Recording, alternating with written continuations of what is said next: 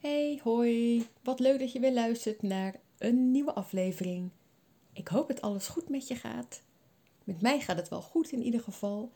Ehm, ik loop al vanaf eind maart met armklachten, zoals je misschien al eerder hebt gehoord. En het gaat steeds wat beter. Af en toe wat minder goed, want dan doe ik weer te veel. Ehm, eigenlijk heb je bijna overal je armen voor nodig. Dus ehm, nou, best lastig om een beetje rustig aan te doen. Maar ik doe mijn best. Maar het gaat gelukkig steeds beter. In deze podcast wil ik met jou 10 manieren bespreken die je kan doen om jezelf te steunen. En als eerste is het belangrijk om te vertellen dat jezelf steunen niet egoïstisch is. Want lekker cliché, als je goed voor jezelf zorgt op alle fronten, dan ja, kan je ook beter voor de ander zorgen. Dus als je goed voor jezelf zorgt, zal je jezelf ook beter voelen, uh, je stabieler voelen, rustiger voelen. En kun je er meer voor de ander zijn en ook voor de wereld om je heen. Nou, dat gezegd hebbende, op welke manieren kun jij jezelf steunen? De eerste manier is het doen van affirmaties. En een affirmatie is dus een gedachte waar je bewust voor kiest. Nou, kies affirmaties die goed voelen, waarmee je jezelf bemoedigt, waarmee jij jezelf steunt. Affirmaties die helpend zijn. Nou, als je meer wil weten over het kiezen van een goede affirmatie, kijk dan even tussen al mijn podcast. Ik heb er al um, verschillende over opgenomen. Tweede is, zorg voor, voldoende um, me-time. Dus plan regelmatig tijd in om dingen te doen die je leuk vindt. En vooral dingen die je energie geven. Of waar je juist rust door ervaart. Dus misschien is het dagelijks een wandeling maken of een meditatie doen. Creatief bezig zijn. Lezen in een inspirerend boek. Nou, liever niet scrollen of Netflixen, want meestal krijg je daar geen energie van. Maar liever iets doen wat je inspireert, wat je raakt, waar je blij van wordt. En je kunt dit eventueel ook verwerken in een ochtend- of avondritueel. Dus bijvoorbeeld ochtends de wekker een kwartier eerder zetten en dat kwartier benutten door nou, iets te doen waar jij blij van wordt. Of dat nou een wandeling maken is, of mediteren of lezen, of dat je even wat gaat knippen en plakken of tekenen, maakt niet zoveel uit. En geef jezelf ook die toestemming om deze tijd te nemen. Dus geef jezelf toestemming om iets leuks te doen, iets ontspannends te doen. De derde manier is wat vaker nee zeggen. Het is belangrijk dat je weet wat je grenzen zijn en hoe je ze aan kunt geven. En doe dit dan ook. Durf nee te zeggen als het nodig is en geef liefdevol en duidelijk je grenzen aan.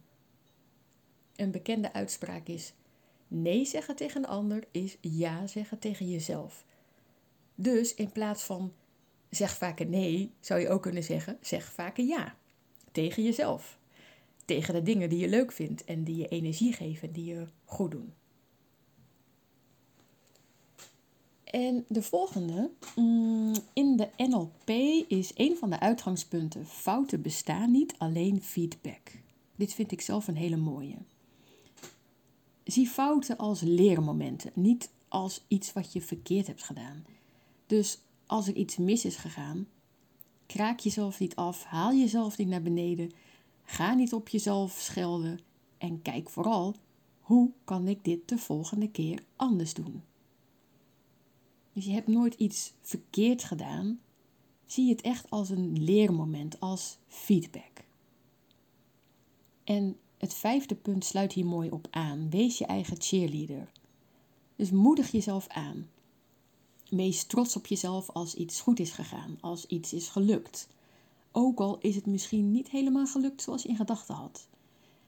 Doe een vreugdedansje en als het niet helemaal is gegaan zoals je wilde, spreek jezelf dan bemoedigende woorden toe. Ja, dus wees dus mild en vriendelijk en liefdevol voor jezelf. En wat ik vaak merk is dat mensen de lat voor zichzelf heel hoog leggen en ja, dan voldoen ze niet aan hun eigen zelf opgelegde eisen, waardoor het alleen maar tegenvalt en ze teleurgesteld zijn in zichzelf. Dus ook als je ini, ini, ini, mini stapjes hebt gedaan, wees daar trots op. Het volgende punt. Wees je bewust van je behoeften. Vooral als je het even moeilijk hebt. Wat zou je dan op dat moment het allerliefste willen? Heb je behoefte aan een knuffel? Heb je behoefte aan troost, aan een praatje, aan rust en stilte of frisse lucht of misschien wel beweging? Dus waar heb jij behoefte aan? En vraag jezelf dat ook regelmatig af. Zeker als je je dus even niet zo vindt. Wat zou je nu het allerliefste willen? En kan je die behoefte ook vervullen? Het zevende punt is: omring jezelf met mensen die je steunen. Ze zeggen dat je het gemiddelde bent van de vijf mensen waar je het meeste mee omgaat. Dus met wie ga jij veel om?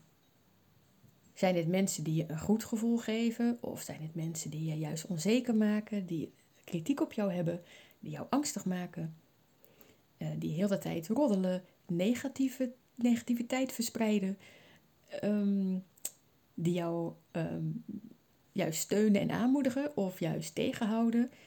Dus kijk daar eens heel kritisch naar. Het achtste punt is: voed jezelf met positiviteit. Ik heb zelf een beetje een hekel aan het woord positief en negatief, maar het maakt het wel duidelijk waar het om gaat. Dus het kan betekenen geen nieuws meer kijken of geen kranten lezen, wegblijven van negativiteit op social media. En doe er ook voor zelf, zelf ook niet aan mee, natuurlijk. Ehm, en zit je op social media, kijk eens goed naar de mensen wie je volgt. Krijg je hier een goed gevoel van? Of voel je je juist niet goed genoeg? Voel je je jaloers, je schuldig? Is het één bak negativiteit? Ontvolg deze mensen dan alsjeblieft. Op Instagram is er ook de mogelijkheid om mensen te blijven volgen, maar hun verhalen en of berichten uit te schakelen, zodat ze niet meer voorbij komen. Dus dat kan handig zijn als je mensen liever niet, ehm, of als je mensen wilt ontvolgen en je liever niet weet, nee, sorry, als je mensen um, liever niet wil, ontvolgen, maar geen berichten meer van ze wil zien. Ik raak helemaal in de war van mezelf, maar is dat vast wat ik bedoel. En volg juist mensen die je inspireren en waar je blij van wordt. De negende manier is: ga op een ja, goede manier om met je emoties. Um, zoals met de Heelal-methode. Hier heb ik ook al een podcast over opgenomen al verschillende podcasts over hoe, hoe je op een uh, juiste manier omgaat met emoties. Want als jij een goede emotieregulering hebt, dan gaat het ook beter met jezelf. Dan blijf je niet heel lang in de emotie hangen ehm, en dan kan je het makkelijker loslaten. En als laatste punt, ga schrijven. Want schrijven kan een manier zijn om op jezelf te reflecteren. Of het kan een manier zijn om in contact te komen met je intuïtie bijvoorbeeld.